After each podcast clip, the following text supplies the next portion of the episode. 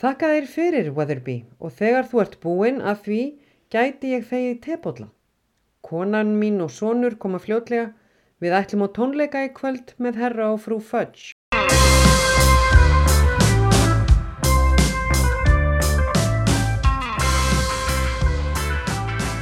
Góðan dag og velkomin í hlaðvarpið Harry Potter í Versló. Ég heiti Ármann Haldursson og ég er umsuna með þessa hlaðvarps en í því er fjallað um í ævintýri og, og uh, áskoranir og ímislegt hjá mér og samkennara mínum Helgi Benediktsdóttur þar sem við kendum valnámskeið um Harry Potter við Verslunarskóla Íslands voran 2020 um, Í þessum þætti ætla ég að fjalla um ákveðna kjænslaðferð sem að ég kannski notaði ekkert svakalega mikið í námskeiðinu en, en samt var það í raun og veru þannig að, að þetta var að uh, þegar ég fór að hugsa um aðferð að þá svona kannski var það eitthvað sem leiti eitt af öðru sem að var til þess að svona í námskeiðu, hugmyndinu námskeiðu fór að opnast upp fyrir mér.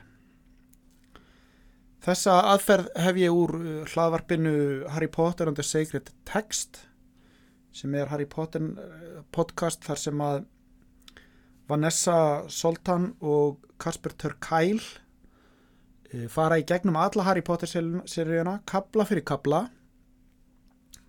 og það sem þau er að gera sem er sérstakt er að þau nálgast uh, Harry Potter eins og helg, helgiritt væri að ræða að einhverju leiti.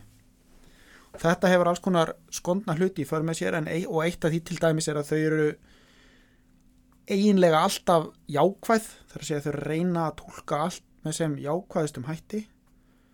Þau uh, fjalla um hvert þátta í gegnum nei, hvert kapla fyrir gefiði í gegnum uh, ákveðna linsu. Þau nota ákveðu hugtak kannski taka þau fyrir hugtaki hugrekki í tengslu ákveðin kapla eða hugtaki forvitni eða eitthvað svo leiðis og svo í hverjum einasta þætti þá eru þau með það sem þau kalla það sem þau nota ákveðna þess að aðferð í samt við lestur helgirita sem þau sækja í þá kristnarhefðir, íslam eða geðinglega hefð. Og uh, kannski alltaf að taka það fram að þau eru raun og veru ekki þau nálgast þetta alls ekki trúarlega. Uh, Kasper er að ég held guðfræðingur Kristinn en Vanessa er aftur á móti uh, guðleysingi sem sagt trúir ekki á aðri máttavöld. En einhvað síður þá er þetta svona nálgast þetta svona sem svona maður segja, andlegt viðfámsefni eða þess aftur Nú, ein af þeim aðferðum sem að þau kynna þarna til sögunar er aðferðin sem ég ætla að tala um í dag. Og uh, þetta er aðferð sem heitir Lectio Divina eða heilög lesning. Og þessi aðferð er þannig að í raun og veru maður velur setningu af handahófi úr textanum sem er til meðferðar. Nú þá í sem sagt kristinni hef þá er þetta náttúrulega alltaf setningu úr heilari rétningu en hjá þeim er þetta þá setningu úr þeim kabla sem þau eru að fjalla um hverju sinni. Þau hafa að, aðlagað eða svona verald gert aðferðina. Uh, við tölum kannski nánar um svona guðfræðina bak við þetta hérna á eftir. En aðferðin er þá í fjórum stigum. Það er valin einhver setning úr textanum og fyrsta skrefið er að einfallega skilja setninguna og setja henni í samhengi við það sem er að gerast í sögunni eða textanum á þeim tíma sem hún byrtist nú líka þá bara einfallega skilja orðin og átta sig á því hvað, hvað er þessi setning að segja okkur. Næsta stig er að tólka setninguna í svona eh, hvort hún hafi einhver, gem einhver tákn eða hvort hún hafi einhverja dýpri eða víðari merkingu. Eh, og þá geti kannski að vera þetta einmitt þess að segja með að það væri setning það sem að veri talað um storm þá geti það verið það að þetta sínd okkur að það væri eitthvað yfirvóðandi í, í sögunni eða eitthvað þess storm. Þriðja stíð er að setja setninguna í samhengi við eitthvað persónulegt, einhverja persónulega reynslu.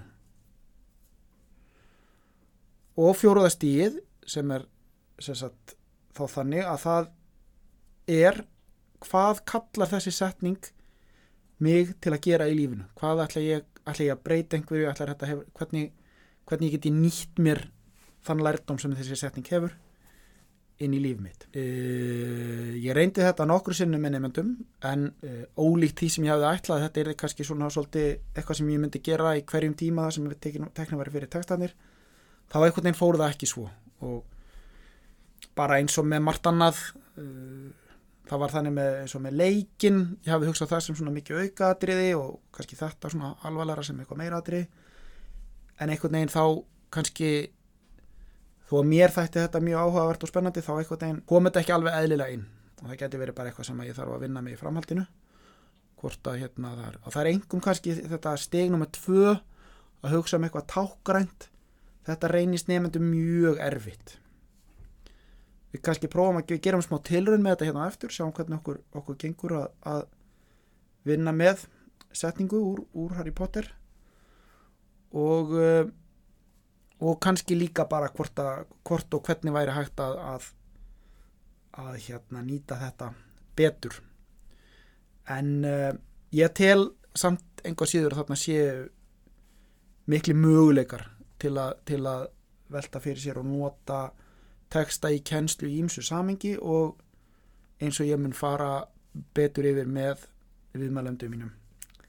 Hérna á eftir.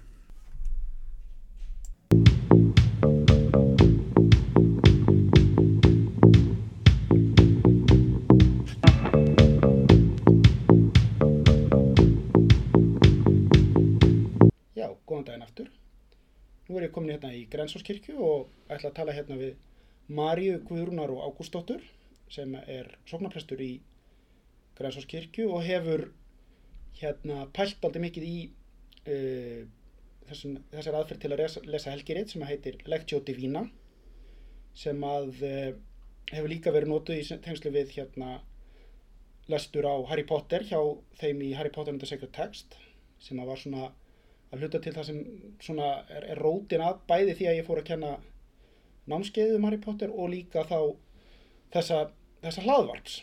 Þannig að þetta er svona ákveðin ákveðin svona líkilatriði í þessu, þessu ferli öllu saman. Og þú sagði Marja hérna getur þú sagt mér aðeins frá hvernig hérna bara hvað er þetta fyrirbæri legt hjá til Vína og, og hérna hvernig þú kynnist í og svona? Já, þetta er mjög spennandi fyrirbæri og bara takk fyrir þetta tækifæri að koma og vera með í þessu spennandi verkefni hjá þér.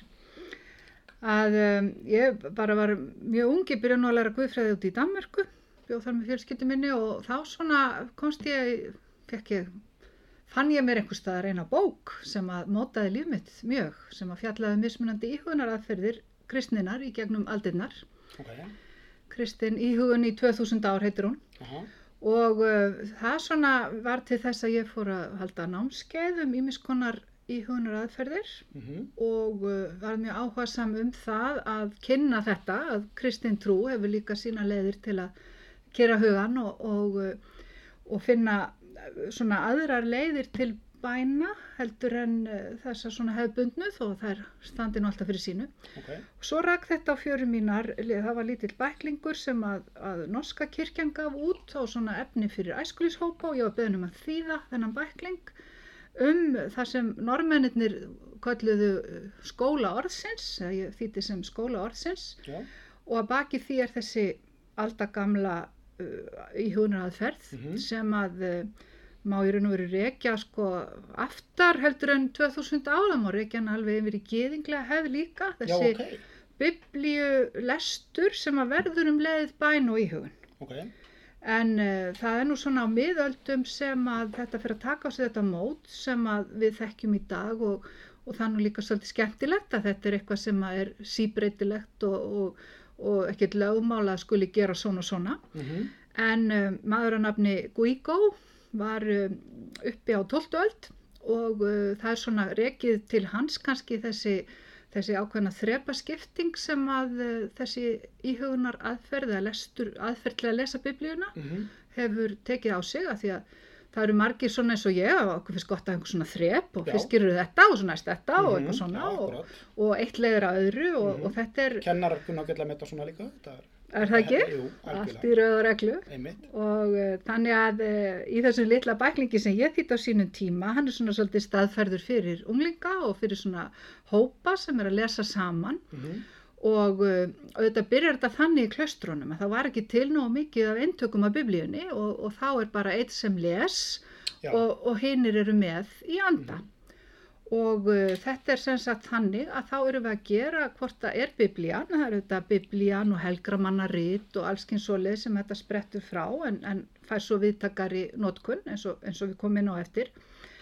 Að, um, að þá er þetta sem sagt að þetta er leið til að tilenga sér textan, að þar sem þú ert að lesa verði á einhvern nátt þitt, Ok. að þú takir það inn í þína lífsreynslu og það móti þig og á, uh, á síðan er sem sagt það sem að er kannski núna í þessum nýrri tegundum af lektjóti vína að þá er það einhvers konar, kemur út sem einhvers konar áskorun til, til framkvæmd og til verka. Mhm. Þess að textin fá að fara í gegnum mig sem Mhm. mannesku, þessi, þessi svörtu staðir á hvítu blaði eins og við höfum það í dag Mhm. að, eh, að þá hafa þessi orð og þessi samsetninga orðum að, að við gefum því leifi til þess að fara í gegnum okkar eigin persónlegu eh, lífsreynslu. Ok. Og uh, ég hef aldrei gert þetta sem sagt bæði með uh, æskulíshópum, ég hef pröfað að vera með þetta í fermingastarfinu og eins með uh, eldri borgurum Mhm. og svo var ég hérna á meðan ég var hérastprestur í Reykjavíkuprósta með vestra sem ég var lengi að þá fekk ég aðstöðu hérna í kapillunni í Grensáskirkju Ok. svona leiða nú hlutirnir einhvern veginn, maður kemur oft aftur á sömu staðina Aha, og við vorum hérna í þrjú, þrjá vetur sátum við saman hérna það voru svona 8, 10, 12 manns eitthvað svo leiðis, Mhm. góður hópur af fólki sem að kom saman hérna í kapillunni í Grensáskirkju og við fórum í gegnum svona lestra alveg vikulega og þetta Ok. var alveg magnað Aha. og uh, Guigo, hann sem sagt setur fram þessi fjögurskref, kallar þetta stiga og uh, þrepin fjögur eru, eru mjög löng og víð og, og stór og mikil og ná Mhm. alveg til himmil, segir Guigo og þá Ok. er það bara fyrsta grundvallaratrið, það er bara að lesa og þú Mhm. ert hérna með texta uh, það er, sko mín reynsla er að lesa stuttan texta í einu Mhm. og þegar ég er að nota þetta fyrir biblíuteksta eins og mín reynsli fyrst og fremst með biblíuna að, um, að þá eru textar það sem, það sem er bara einhver frásögn það sem eitthvað er að gerast mér Mhm. reynist það best Og velur textan fyrirfram. um, já, Já. sko í þessum litla bæklingi sem ég þýtti á sínum tíma þá setti ég upp, ég bætti nú ímislegu við það sem að normennir höfðu, höfðu sett fram og er svona staðfærita svolítið og er þar til dæmis með tillögur að því hvernig þetta lesa sig í gegnum Guðspjöllin Mhm.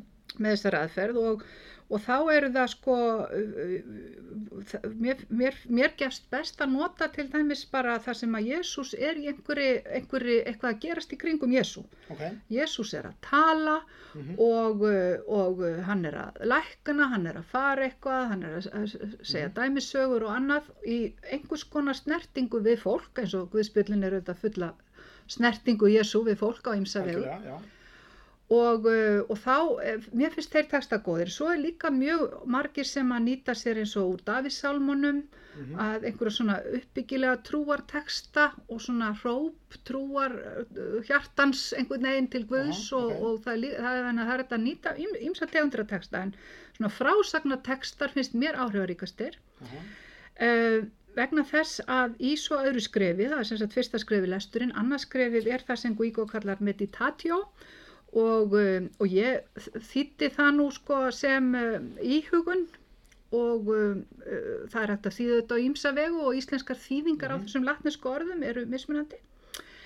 En um, þá er þetta að við, sko, við, við lesum og síðan bara svona setjum okkur inn í aðstæðunar.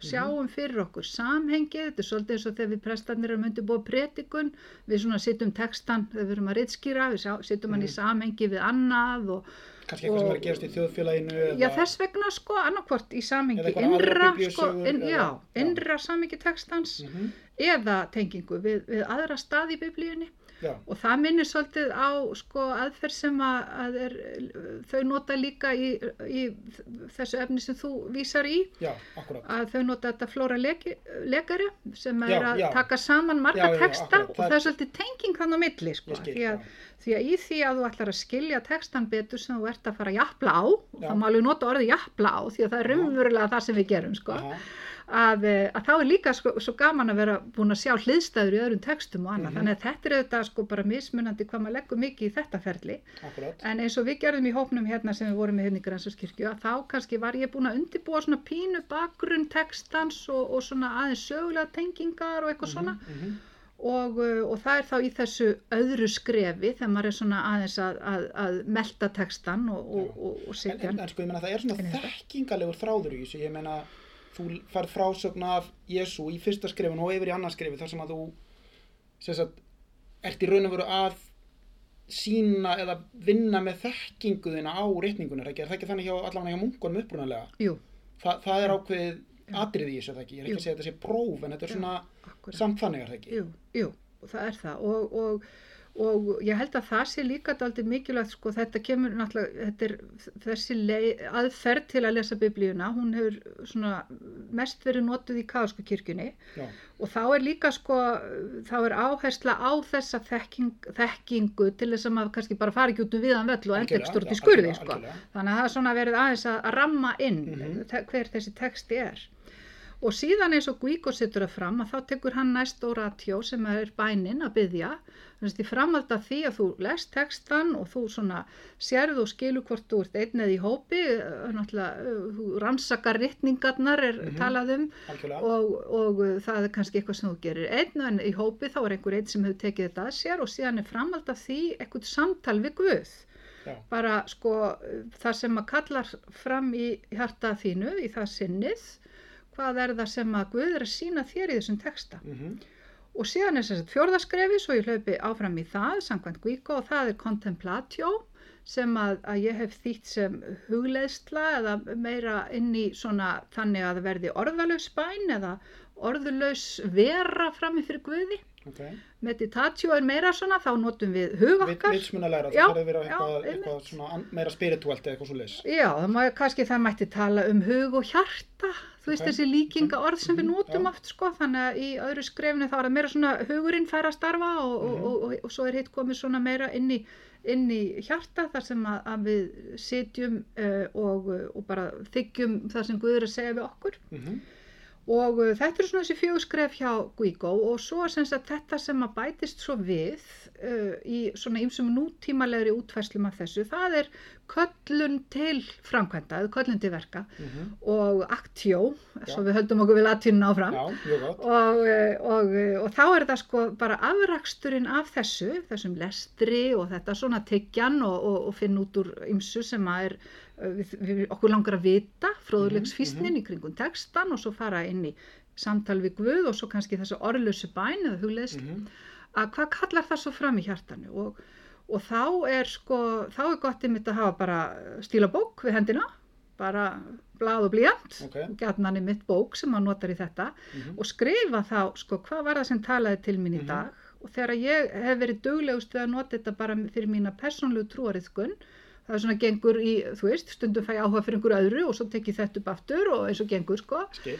En um, þegar ég hef verið, tekið góð tímabili þessu, þá hef ég haft bók þar sem ég skrifa bara á þessum degi las ég bara, bara hvaða texta ég las Mhm. og hvaða, uh, hvaða orða voru í textanum sem töluðu sérstaklega til mín og hvað mér fannst ég svona Guð vera að kalla fram í mér Mhm. að uh, ge gera sem, sem að myndi bæta uh, líf mitt og annara og, Mhm. og, og vera kærleikanum til góðs, Og þá má ég segja að þetta sé svona, það sé ákveðin siðferðilegur, Það, já, siðferðilegur þráður, það er að segja að það er þá svona móralsk, eða þú veist, eitthvað, eitthvað sem að textinn talar til þín og eitthvað sem að þú vilt annarkvort gera meira af eða hætta að gera eða eitthvað í þeim dúr. Akkurat, einmitt þannig.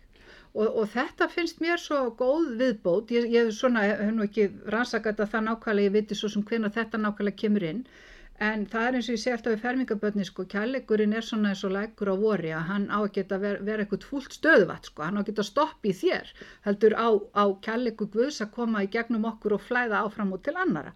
Þannig að þetta fymta skref eða fjórða skref eða hvernig sem hann nú situr upp Mhm. þessi skref að, að mér finnst þetta alveg nöðsileg viðbót, bara að kalla okkur svona til ábyrðar, Mhm. gangvart lífinu Já, og, og kærleikanum og, uh, og ymmið þetta skrifa niður sko. En ég hef, svo hef ég sett aldrei inn í þetta uh, svo kallaða Ignatiusaræðferð. Ég má aðeins segja frá því líka sko. Og uh, eftir að hafa verið að hafa hlusta, hlusta á hlaðvarpið um Harry Potter og, og, og, og heila textan að, um, að þá finnst mér þau líka vera svolítið að nota það sko að það er þessi innlifuna þáttur. Já, Og þá erum við ekki bara sko að nota vitsmun okkar til að greina textan með einhverjum hætti og Mhm. sem er mjög mikilvæg grunnvinna að mínu mati og, ég fer helst aftur í sko grískuna og hebriskuna, mjög já því því. sko, fyrstaklunni það þarf að- líka þetta með að þú, að þú skiljir nákvæmlega orðin og jafnvel að pæla jafnvel í einhverju málfræði eða Já, eitthvað svolítið. Þau eru náttúrulega ekki beint í því. nei, þau eru ekki þannig sko, já, þurfa það kannski ekki, Já. en samt sko, já. Þau eru alltaf meira í hvað er þetta í atbröðarásinni og, og setja það í þannig samingi. Það er þeirra fyrsta já, skrif sko. já. En svo er þetta með, með þessa innlifun Ok. og, og, uh, og þá er það Ignatius frá Loyola sem að uh, svona þessi aðferði kend við og uh, og Lúðvík af Sakslandi, hann er líka nefndur til sögunar í því og þá sem sagt er það þannig að við setjum okkur inn í frásöguna sem við erum að lesa og við erum þá með í frásögunni Ok, og þess vegna finnst mér svo gott að nota þessa frásögukabla af Jésu og, Eh. og að því að sko þá bara er ég, ég sitt þarna, ég er búin að lesa textan og textin er gætnan lesin alveg minnst okkur stið þrísvar sinnum. Mm og þegar ég er einn þá les ég upphátt. Og þetta er til þess að heyra textan lesin aha, því að sko hinn upprunalega lektjó divína er náttúrulega upplesturinn þegar að munkarnir voru að taka til sín það sem sá sem hafði nú bókinni það skipti las. Já, og, uh, og einmitt þegar við vorum í hópnum hérna að þá las, lásum við bara til skiptis sko, kalla á kvenrættir og bara allir lásu sem það vildu mhm, þessa texta. Og sumir hefðu aldrei sko heyrt sjálfa sig lesa text og biblíun áður. Já, og það var svona ákveðin ný lífsreynsla. Þannig að þú, þú skinnjar textan öðruvísi að þú lest hann upp já, og, uh, og þetta er náttúrulega þú sem ennsku kennari sko, Já, þá já, er náttúrulega algjörlega. þetta algjör líkill að- lesa upp átt já, sko, og, og merkingin verður önnur og dýpri þar svona hún fær á sig nýjar Mhm. vittir sko. þannig að við, við lesum upp átt og textin er sérst lesið minnstakosti þrísvar stundum fjóru sinu og, og gef, gefna svona þagnir á milli og eitthvað svona og sem sagt þegar við erum að í þessari, notum þessa innlifunar aðferð þá sérst setjum við okkur inn í textan bara í huganum og þá Mhm. erum við sannlega að nota ímyndunaraflið Þetta er ekki svona eins og kyrðar bæn eða centering prayer þegar, þegar maður bara einlega dvelur í einu hugtaki Mhm. eða svona dvelur bara frammi fyrir Guði í, í hugleðslunni eða contemplatio. Þetta er meiri virkni í huganum og, uh, og þá sem sagt ef að ég til dæmis er að lesa söguna Bartimeus blinda, betlarannum sem satt við veginn, mhm, hún er alveg uppáhaldi hjá mér svo saga sko, ok, þá situr hann þarna við veginn og Jésús kemur og læri sveinarnir og hann situr þarna og er að betla þessi, hérna, þessi uh, ólánsami maður eða hann, hann hafði ekki aðstæð, aðstöður hans voru, voru slemar og þá kannski er ég Bartimeus og Ok. þá skerpist heyrn mín Já. af því að þá sé ég ekki neitt Mhm. og þá heyri ég fótatakið og ég finn sko uh, ég hef nú langsum að koma til Ísrael fyrir nokkrum árum gaf sjálfur mér það í 50 sammæliskjöf og þá sko rikið á, á veginum Mhm. þegar gengið er framhjá þá finn ég þetta, sem, þar sem ég sitt þarna við Aha. veginn ok, og, og ég finn rikið á milli tána og, Mhm. og, og heyri þá ganga frá og finn þessa nálægð og svo kalla ég sko og, og, og læri sem þetta reyna að þakka í mér en Jésús tekur eftir mér aha, og ég kalla þetta sem að ennur í liturgíun okkar í messunni drottin miskuna þú mér já, og, uh, og það er svona hefur ákveðin bæn hjá grísk orþó, eða rúsnesk orþódoksu kirkjunni sem að við, við göllum Jésu bænina eða þessi Mhm. mm miskunabæn og þannig að þarna ég við veginn og ég hrópa til Jésu og, og, og ég fylgir spennt með því. Skilt hann nú stoppa, ætla hann sjáu mig? ok, eða fer hann framhjá ok, þannig að sko öll skinnfærin eru virkjuð í Mhm. þessari innlifun. Mhm, og uh, þetta gerir lektjó divína en þá ríkara. Að, að staðsita sig í textum. Og þau eru svolítið að gera þetta þau eru að vinna með Harry Potter. Sko þau nota, þau eru með lekt út í vína en svo nota þau eitthvað sem þau kalla sacred imagination. Það er heldur nákvæmlega þetta. Þá lesa þau ákveð atriði akkurat, og spyrja Já. hver ert þú? Já í þessu atriði og þetta er oft mjög skemmtilegt hjá þeim sko. Þetta er nefnilega svo magnað og þetta og ég sko leiði mér að tengja þetta tvent saman og ég er ekkit ein í því þannig að ég, ég hef ágættis Mhm. það, eru, það eru fleiri sem gerir þetta þessa vegu sko því að, því að mér finnst þetta auka uh, íhugunina svo mikið og Mhm. svo kannski bara er ég einhver sem er bara að horfa á hvað er að gerast Mhm. stundum Einmitt. liðið með þannig, stundum er ég Pétur sko sem er alveg nálegt Jésu Aha. það kemur mjög sjaldan fyrir að ég sé Jésu sko en Ok. ég má alveg vera Jésu ef að, ef að En þetta er eitthvað sem að er þannig sko þú hugsaður á þannig að þú ser þetta að þetta bara komi til þín einhvern veginn. í raun og veru með Ok. því að sko með því að leifa þessum texta sem ég er að tyggja Mhm. lesa upp aftur og aftur í hópi eða með öðru Mhm. eða einn að uh, leifa þessum texta einhvern veginn að fara í gegnum mína eigin persónu Skilji? Ok. og, uh, og síðan þegar ég kem út úr þessari upplifun sko, þetta er náttúrulega maður á að segja reynsla en mér finnst upplifun aldrei gott orð Mhm. að, uh, að þá einhvern veginn er ég komin á annan stað auðvitað með hverju, hverju andvarpi er ég komin á nýjan stað sem manneskja já, já. En, en, uh, en er sagt, þann, þannig hefur þessi texti fengið svona seitla í gegnum persónu mína og allt sem að í mér býr Mhm. og, uh, og ég hef þessa tilfinningu, já, ég bara var þarna með Jésu, sko. Mhm. Og þetta er oft uh, reynsla sem að ymmit kallar fram eitthvað sem mann langar þá að gefa af sér eða, eða breyta eða eitthvað Mhm, svona, sko. Mhm. Og, uh, og þetta að, bara sjá Jésu horfa á sig, sko, en Mhm. en, en auðvitað er þetta kannski eitthvað sem hljómar mjög framandi fyrir fólki, ég get alveg ímyndað mér það Mhm. já, byrju, þessir textar þetta gerist fyrir 2000 árum sko Mhm. Og, og ég vil sumir sem segja að þetta bara gerist aldrei, þetta er einhver sem fann upp á þessu. En við höfum nú svona séð svo marga texta koma saman að við vitum nú að Jésús var þarna og eitthvað gerðan sem hafði Ok. gríðarlega áhrif á fólk sko, Ok, þannig að við tölum með þá um þetta í dag þannig að það er eitthvað þarna. Það er eitthvað þarna, en svo getum við líka verið með svona uh, sko, skáldaðan texta. Já, eins og Harry Potter. Og þá kannski, ég meina, hvað, hvað finnst Og, þér um það að, hvað finnst þér um það að taka svona aðferð og, og beitinni á, á, á, já, Harry Potter, eins og þau gera? já sko, ég, þetta er alveg nýtt fyrir mér og ég er búin að vera að skoða þetta svolítið og mér finnst þetta mjög heillandi sko. Mhm. ég er náttúrulega alin upp uh, þar að segja börnunum mínum.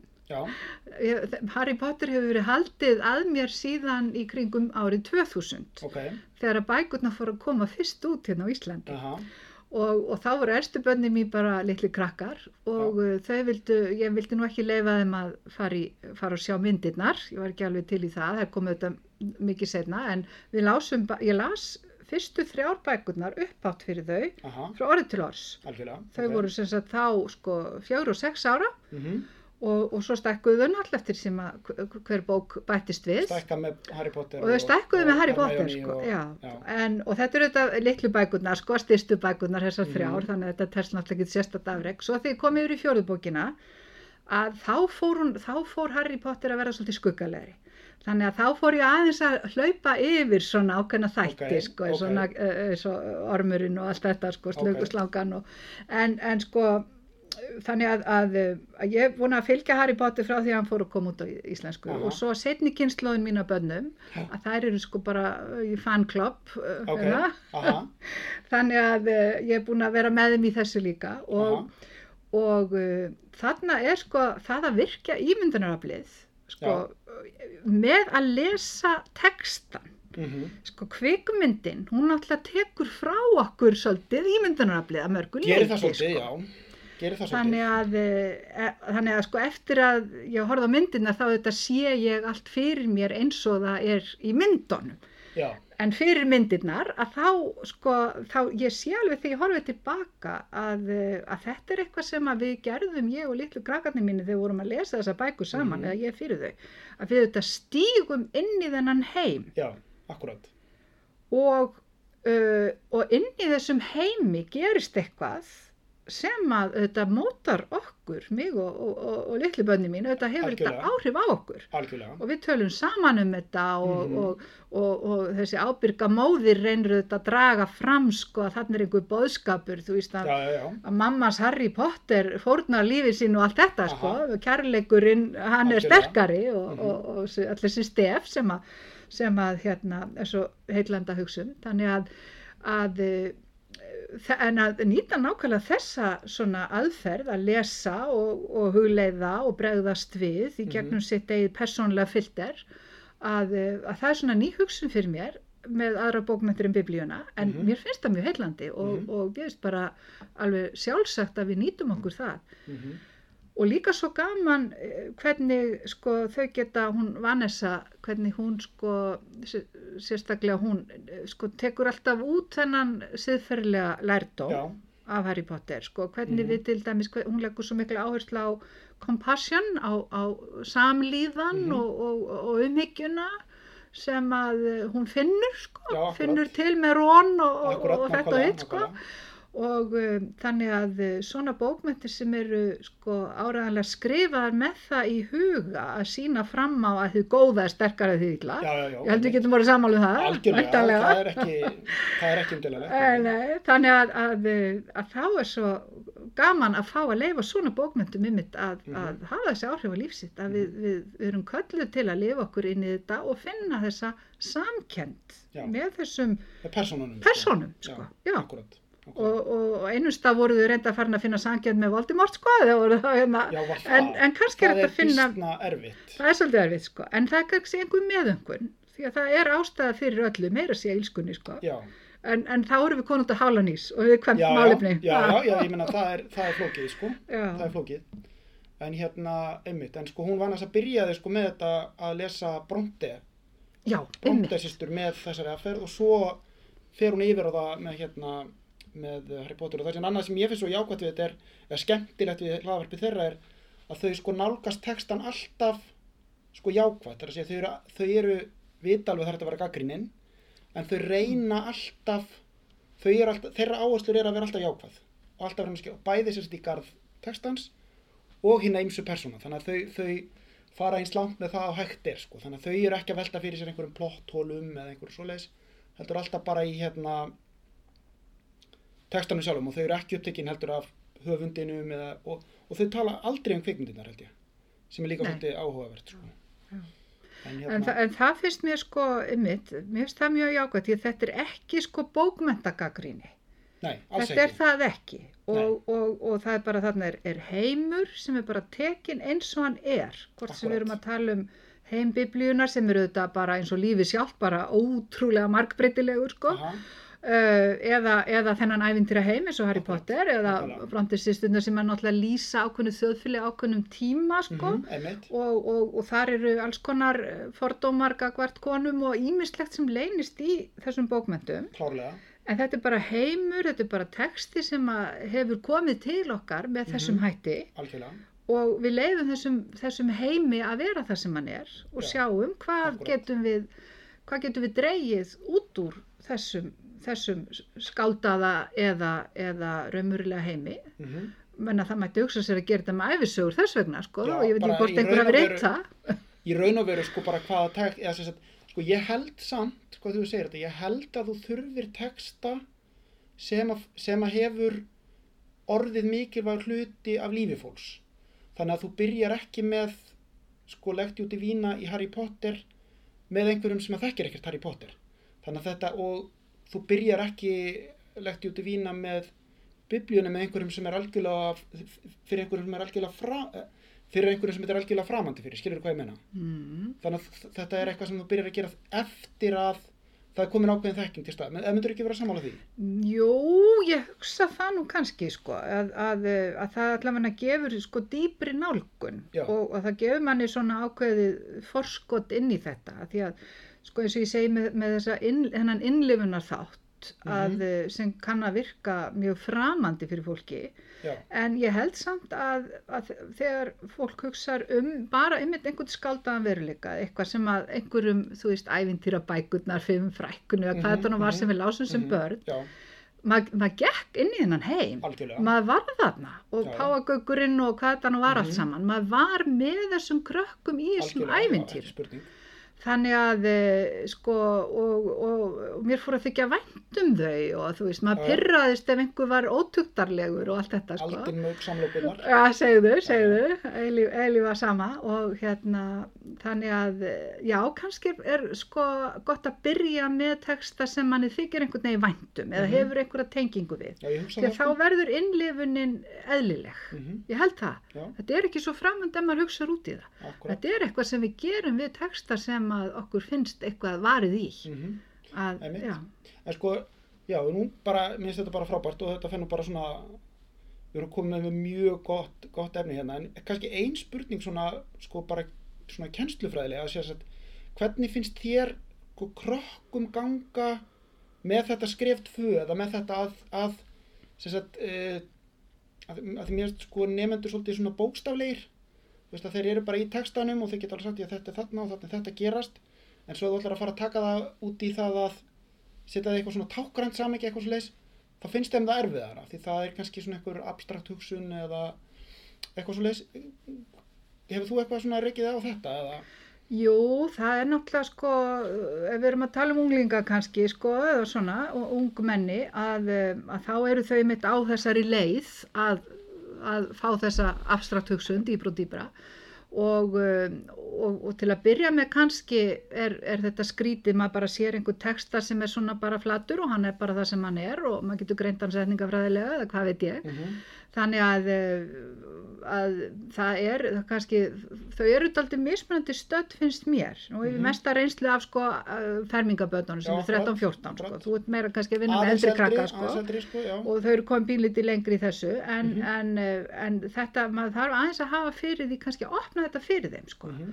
að, að, að texti getur haft einhverja dýbri eh, nálgun og dýbri vitt heldur en bara nákvæmlega sem stendur þarna sko Mhm. Þannig að, eh, að mér hefur alveg þótt eh, það gerlegt að sko gera það spennandi fyrir þau. Ymmit kannski með því að leifa þeim að gefa þeim meiri fræðslu, að kynna fyrir þeim alls konar þætti sem þessu tengjast Mhm. og til dæmis hvað varðar táknheim Einmitt. þá finnst mér einlega krakkar á öllum aldri, ég hef unnið með þetta með upp í sunnudagaskóla, 10-12 ára æskulistarfi, þá hef ég Mhm. oft unnið með og bara táknin í kirkjunni og, uh, og oftast nær finnst þeim þetta mjög spennandi. Já. og þá erum við að tala um eitthvað svona hlut, hlutbundin Mhm. sko, og um, tengsl milli já, hugmynda og hluta og, og mynda og, og já, texta sko, og maður kannski byrjar í því að skoða dúfuna og krossin og, regnbogan og allt, möguleg svona trú sem við höfum, sjáum sem trúaleg ták aha, og, um, og síðan sko maður þarf kannski svolítið að byrja þar í þessu áþreifanlega já, og leiða þau síðan inn í að þessi tákn er að finna í textanum. já, Þannig að ég myndi einmitt. kannski segja að það væri svolítið líkil, kennslufræðilega líkil að byrja í þessu hlutbunda eins og við oft Mhm, gerum sko mhm, og, og leiða þau þar inn í textan. akkurat Og ég er hef upplegað krakka sko sem, að, sem að bara finnst þetta alveg gríðarlega spennandi, mm Mhm. mörgum finnst þetta bara, bara ná, ná einhver samhengi, sambandi við þetta. En en, en, en marg, mörgum krökkum finnst þetta gaman þegar það fer að svona ljúkast upp sko. Mhm. þetta er svona maður getur leikið sig með því að tala um dullmál eða eitthvað þannig sko, Já, finna já, já. svona linda merkingu þetta er svona likla þetta er svona svo likla já, maður þarf að hafa svona, svona leiðar likla sko, og, og svo inn, í- í í sjálfum þér Hörðum, ég held bara að við séum komið með hérna bara frábært efni og hérna og bara höfum núna nýja leið til þess að að, hérna setjast niður og, og nálgast texta bæði úr hérna helgiritum og hérna og Harry Potter. Takk heldur fyrir kella, betur þakka þér. Glæsilega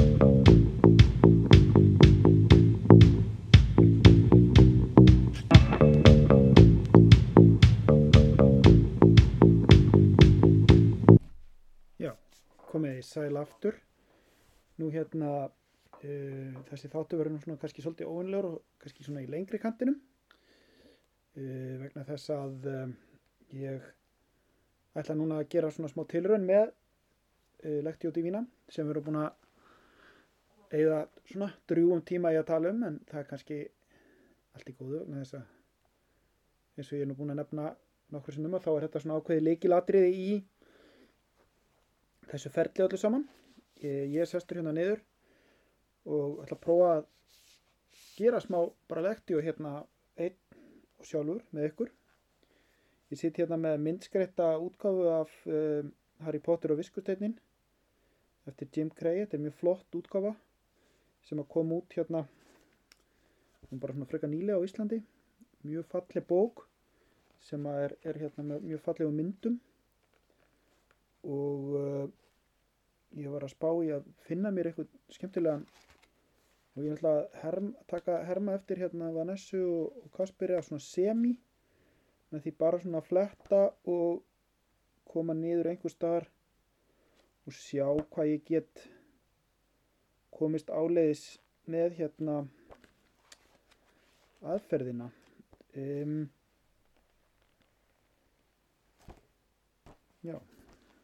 Hérna blæsju 106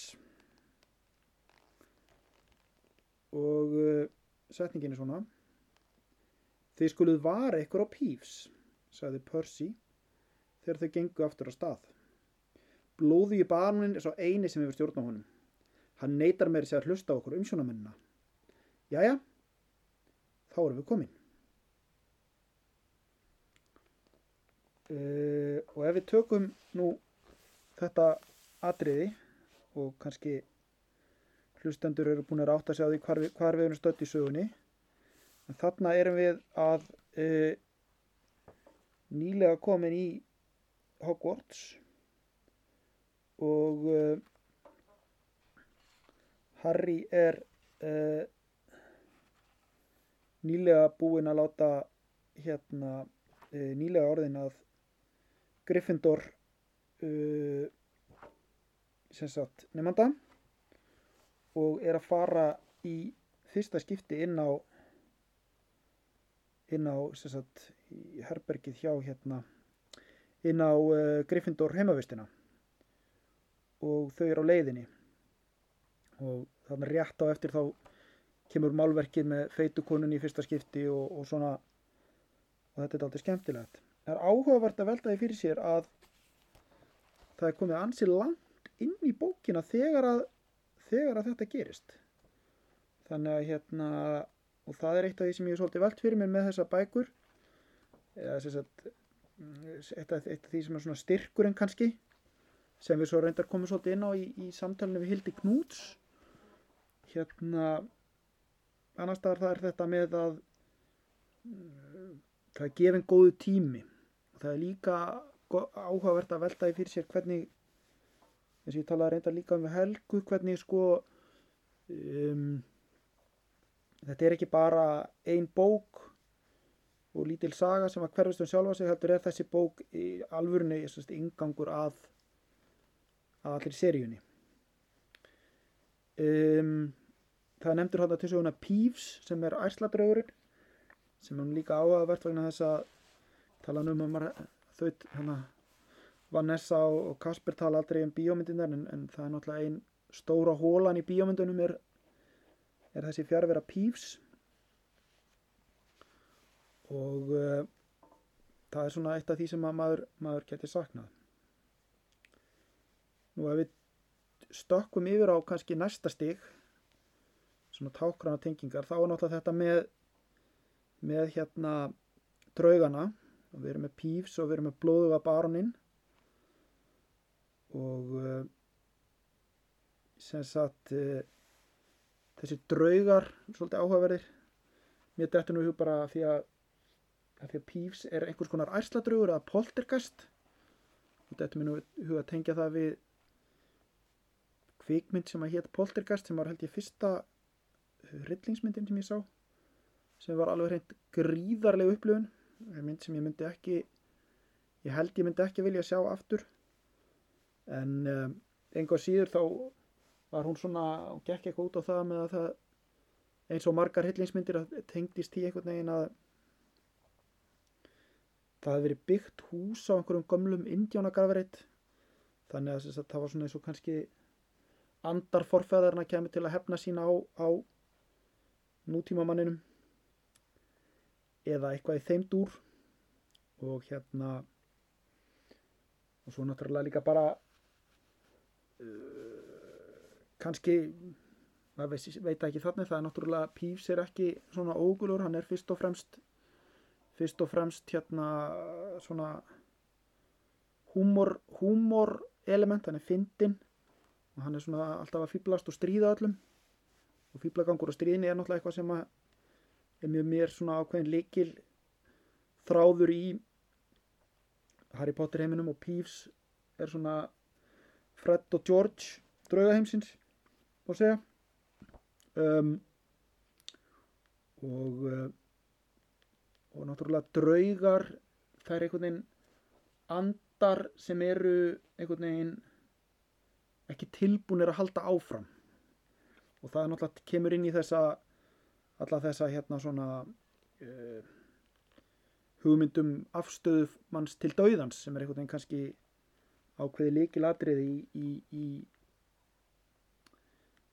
í Potter heiminum og náttúrulega þannig tilvera draugana og afstæða Voldemorts til dauðans og afstæða Harrys til dauðans. Þetta einhvern veginn tengist allt saman og er, er allt mjög mikilvægt. Um, ef að við förum síðan þá yfir á þriðja stíð sem að er kannski svolítið erfitt en uh, þá kannski myndi ég uh, fara í burtu frá þessum með draugana kannski meira hugsa um þetta með að augnablíkar sem að byrjar á í einhverjum nýjum aðstæðum um, þessi svona þessi upplifun að að uh, ganga um ganga og vera á einhverjum stað sem að, sem að er manni nýr og framandi. Og uh, kannski bara uh, get hugsað, sér, hugsað um þessar tíma þar sem að byrja í nýjum skólum þegar ég byrjaði í til dæmis þegar ég byrjaði í MH eða kannski ekki síður þegar ég byrjaði að kenna í, í hérna versló og, og það er þetta hvernig sagt, þú kemur í fyrsta sinni okkur stað og síðan einhvern veginn smám sagt, verður hann einhvern veginn hluta sjálfum þér og þú, þú pælir ekki í því að einu sinni var þetta allt saman nýtt og framandi og, og hérna og þú kannski, það var kannski vandamál að rata. Og það er náttúrulega eitt af því sem er, verður vandamál hjá þeim í hérna í Hogwarts alveg eins og það getur orðið í hérna hjá um, sem, sagt, sem, sem að vissulega er til dæmis í, í Vestlunarskóla Íslands það sem að til dæmis e, fyrirkomulagið á, á sagt stofuheitum og númerum og svona er mjög það er svona að væga sagt nokkuð sérkennilegt. Þannig að um, og líka náttúrulega kannski að, að þegar ég byrjaði með þetta að kenna við kannski bara höldum okkur við það að þá þá voru þarna ymsir svona sérkennleir karakterar sem maður þurfti að hérna átt að sjá og svona kannski ekki draugar en svona kannski kannski svona einhverjir, einhverjir sem að kannski geti tengt við Snape eða eða hann hann, hvað hann heitir, jú það er draugur sem að kennir sögu galdrana einmitt. Það voru kannski einhverjir einmitt kennarar sem að svona ansi mikið að gamla skólanum en þá hann við, við, við störf þegar þegar ég kom þarna inn og, og, og kannski í sumir sem að maður þurfti smávegis að hérna passa sér á. Nú uh, fjórðastíð hvað þetta geti hugsanlega uh, kalla mann til að gera? Það er kannski bara þetta með að að vera tilbúin til að sjá uh, staði og, og, og upplifanir með hérna augum augum þess sem er að koma í fyrsta skipti. Það er það er, það er svolítið áhugavert og það er náttúrulega þetta með að koma í fyrsta skipti og og þau koma á lest, Harry kemur á lestastöðina hann fer upp í lestina og hann og þannig er náttúrulega er hann að er hann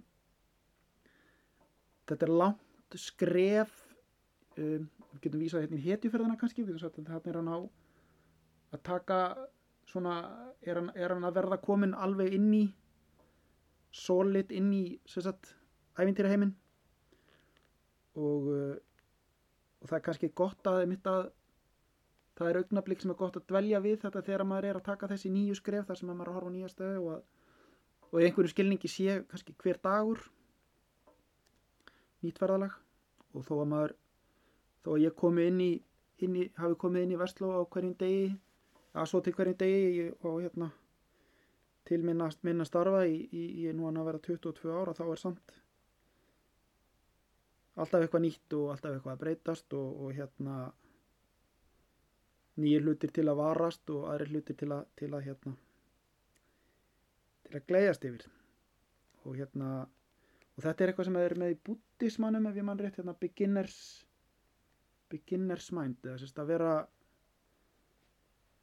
að minn að sérst að vera að hafa hugan á þeim stað sem hann var einhver tíman í, þegar eitthvað var að byrja. Að, að, að eiga það einhvern veginn hjá sér. Að vera þetta með Harry og, og, og, og Ron og Hermione og þessum krakkum og Neville þegar þau eru að stíga hérna inn og ganga hérna inn í fyrsta skipti. Að öll þessi þessi augnablík þar sem maður er að gera eitthvað í fyrsta skipti þau eru þau eru merkileg og hérna og muna það að hver dagur er sannarlega nýtt upp á